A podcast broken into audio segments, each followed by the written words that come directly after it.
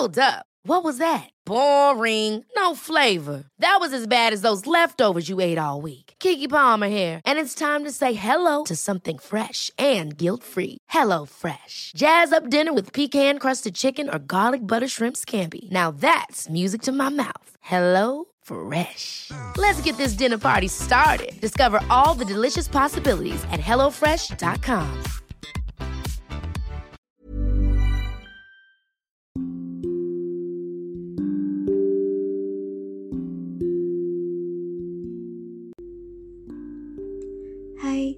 kasih sudah mengunjungi dan hendak mendengarkan podcast Dongeng Tidur. Aku Iren Evita. Selama ini, aku pakai aplikasi Anchor untuk buat dan publish seluruh episodeku. Kalian juga bisa loh download dan pakai Anchor untuk buat podcast karena 100% gratis dan bisa didistribusikan ke Spotify dan platform podcast lainnya.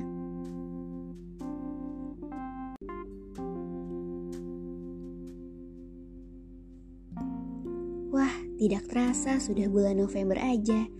Dua bulan lagi menuju pergantian tahun nih. Semua yang telah terjadi dari awal tahun 2022 hingga hari ini terasa seperti angin kemarin sore. Tapi kalau diingat-ingat lagi, banyak hal yang telah berubah dibanding tahun sebelumnya. Yang paling kentara menurutku itu saat ini COVID sudah tidak sepandemik 2020 dan 2021. Tapi alih-alih kembali ke kenormalan 2019 dan sebelumnya yang mana serba offline, sekarang ini sistemnya hybrid. Setengah-setengah antara online dan offline baik untuk urusan belajar, pekerjaan, belanja, dan lainnya dalam kehidupan sehari-hari. Itu sih yang berubah atau berbeda dari before after pandemic menurutku. Secara pribadi, podcast Dongeng Tidur pun terbentuk saat awal pandemik. Nah, semoga aku bisa selalu menemani malam-malam kamu. Seperti malam ini, kisah dari Kalimantan Tengah mengenai sepasang manusia dan sepasang makhluk lainnya akan menjadi pengantar tidurmu. Selamat mendengarkan sang hantuan.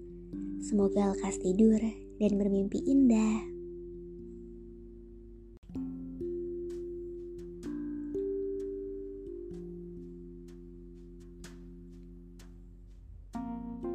Ada sebuah keluarga sederhana di desa Barasemayang.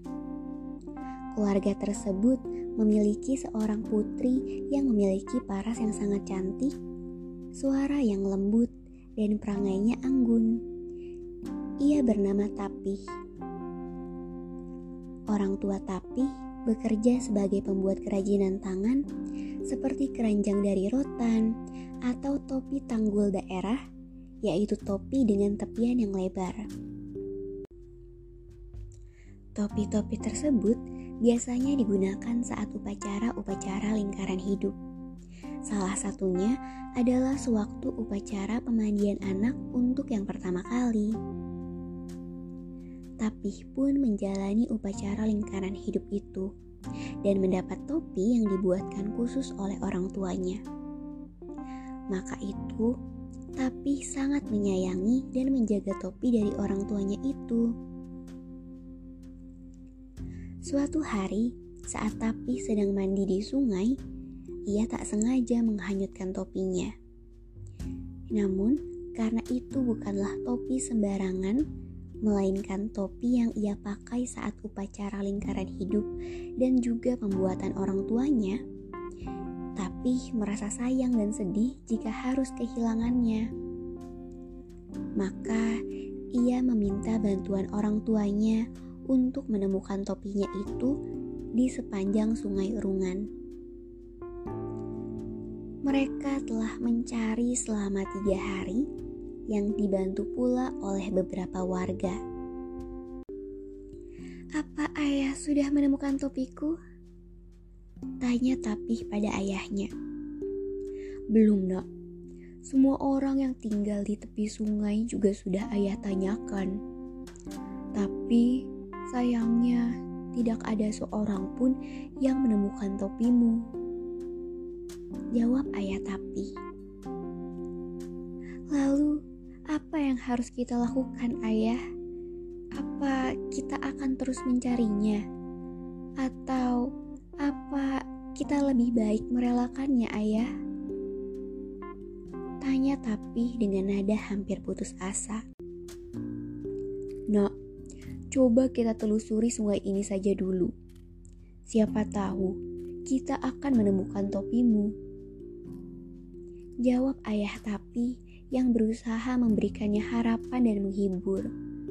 Ia tidak tega melihat putrinya bersedih. Maka, mereka pun meneruskan pencarian topi milik Tapih di sepanjang sungai Rungan. Tanpa terasa, mereka sudah berjalan hingga kini sampai berada di desa Sepangsimin. Setelah mereka susah payah mencari bersama-sama, bahkan hingga menyeberang ke desa yang perlu melalui hutan belantara yang jauh juga sulit medannya. Akhirnya, usaha mereka membuahkan hasil. Topi tapih yang selama ini mereka cari-cari ternyata telah ditemukan dan dijaga oleh seorang pemuda dari desa tersebut. Laki-laki ini bernama Antang Taung. Ia tinggi, wujudnya gagah, suaranya berat, dan parasnya tampan. Sebagai tanda terima kasih pada pemuda yang menemukan dan menyimpan dengan baik topi tapi, orang tua tapi menghadiahkannya emas pada Antang Taung. Namun, Antang Taung menolak hadiah emas tersebut. Ternyata Antang Taung jatuh hati pada Tapih. Di sisi lain, Tapih pun juga merasakan yang sama. Maka sebagai gantinya, Antang Taung meminta Tapi untuk diperbolehkan menjadi istrinya. Permintaan ini disetujui oleh kedua orang tua Tapi. Setelahnya, orang tua Tapi sibuk mengurusi persiapan acara pernikahan anaknya. Antang Taung dan Tapi akan menikah sesuai dengan upacara adat setempat, di mana menurut adat daerah tersebut pasangan pengantin baru haruslah tinggal di rumah orang tua masing-masing secara bergiliran. Namun, untuk pergi ke desa masing-masing, mereka haruslah melewati hutan yang sangat lebat.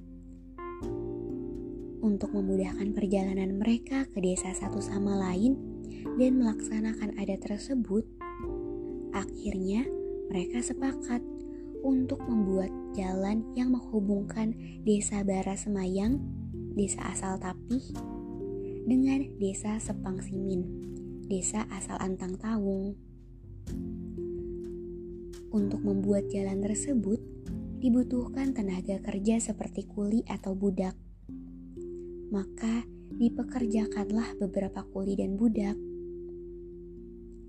Pembuatan jalan tersebut dimulai dari bara semayang.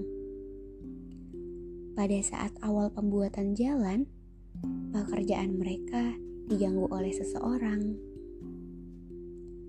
Hal itu dikarenakan setiap para pekerja kembali ke gubuk mereka untuk beristirahat.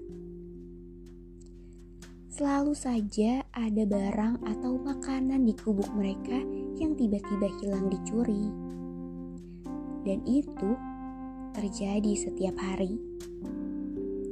Padahal seluruh makanan dan barang itu telah susah payah para pekerja dapatkan dan beli. Tentu kemarahan para pekerja sudah mencapai klimaksnya. Akhirnya, para pekerja berdiskusi cara untuk menjebak dan menangkap pencuri itu. Mereka pun sepakat berpura-pura bekerja seperti biasa. Padahal, diam-diam mereka bersembunyi dari balik semak-semak untuk mengawasi gubuk mereka. Ketika para pekerja sedang memantau, tiba-tiba muncul seekor hewan angkes, yaitu sejenis landak, yang masuk ke dalam gubuk mereka. Saat masuk ke dalam gubuk, hewan itu menggoyang-goyangkan tubuhnya. Lalu, seketika bentuk tubuh pada hewan itu berubah menjadi seorang anak laki-laki muda yang sangat tampan secara ajaib. Meski terkejut, namun para pekerja itu tidak akan melewatkan kesempatan untuk menangkap makhluk gaib itu yang selama ini telah mencuri isi rumah mereka. Makhluk gaib itu tidak bisa kabur, maka ia pun berkata dan memohon pada para pekerja yang telah menangkapnya. Tolong jangan sakiti aku, ampuni aku. Tidak bisa, Kau sudah terlalu banyak mencuri makanan dan barang-barang kami. Sekarang, kau harus bertanggung jawab atas perbuatanmu. Ucap pemimpin dari para pekerja. Baiklah, baiklah, aku akan menebus kesalahanku. Tapi kumohon, kalian jangan menyakitiku. Pinta makhluk gaib itu yang sedang berada dalam wujud seorang laki-laki apa yang bisa kau lakukan untuk kami? Tanya pemimpin dari para pekerja. Aku akan bantu kalian menyelesaikan pekerjaan membuat jalan itu. Ucap anak laki-laki itu untuk menukarnya dengan keselamatan dirinya.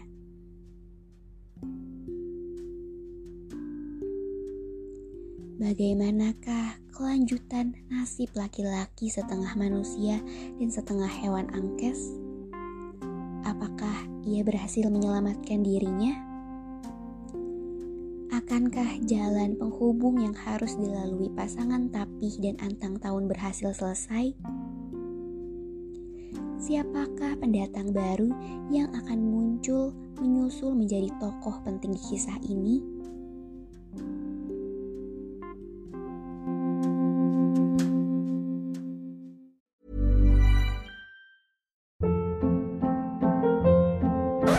Hold up. What was that? Boring. No flavor. That was as bad as those leftovers you ate all week. Kiki Palmer here, and it's time to say hello to something fresh and guilt-free. Hello Fresh. Jazz up dinner with pecan-crusted chicken or garlic butter shrimp scampi. Now that's music to my mouth. Hello Fresh. Let's get this dinner party started. Discover all the delicious possibilities at hellofresh.com.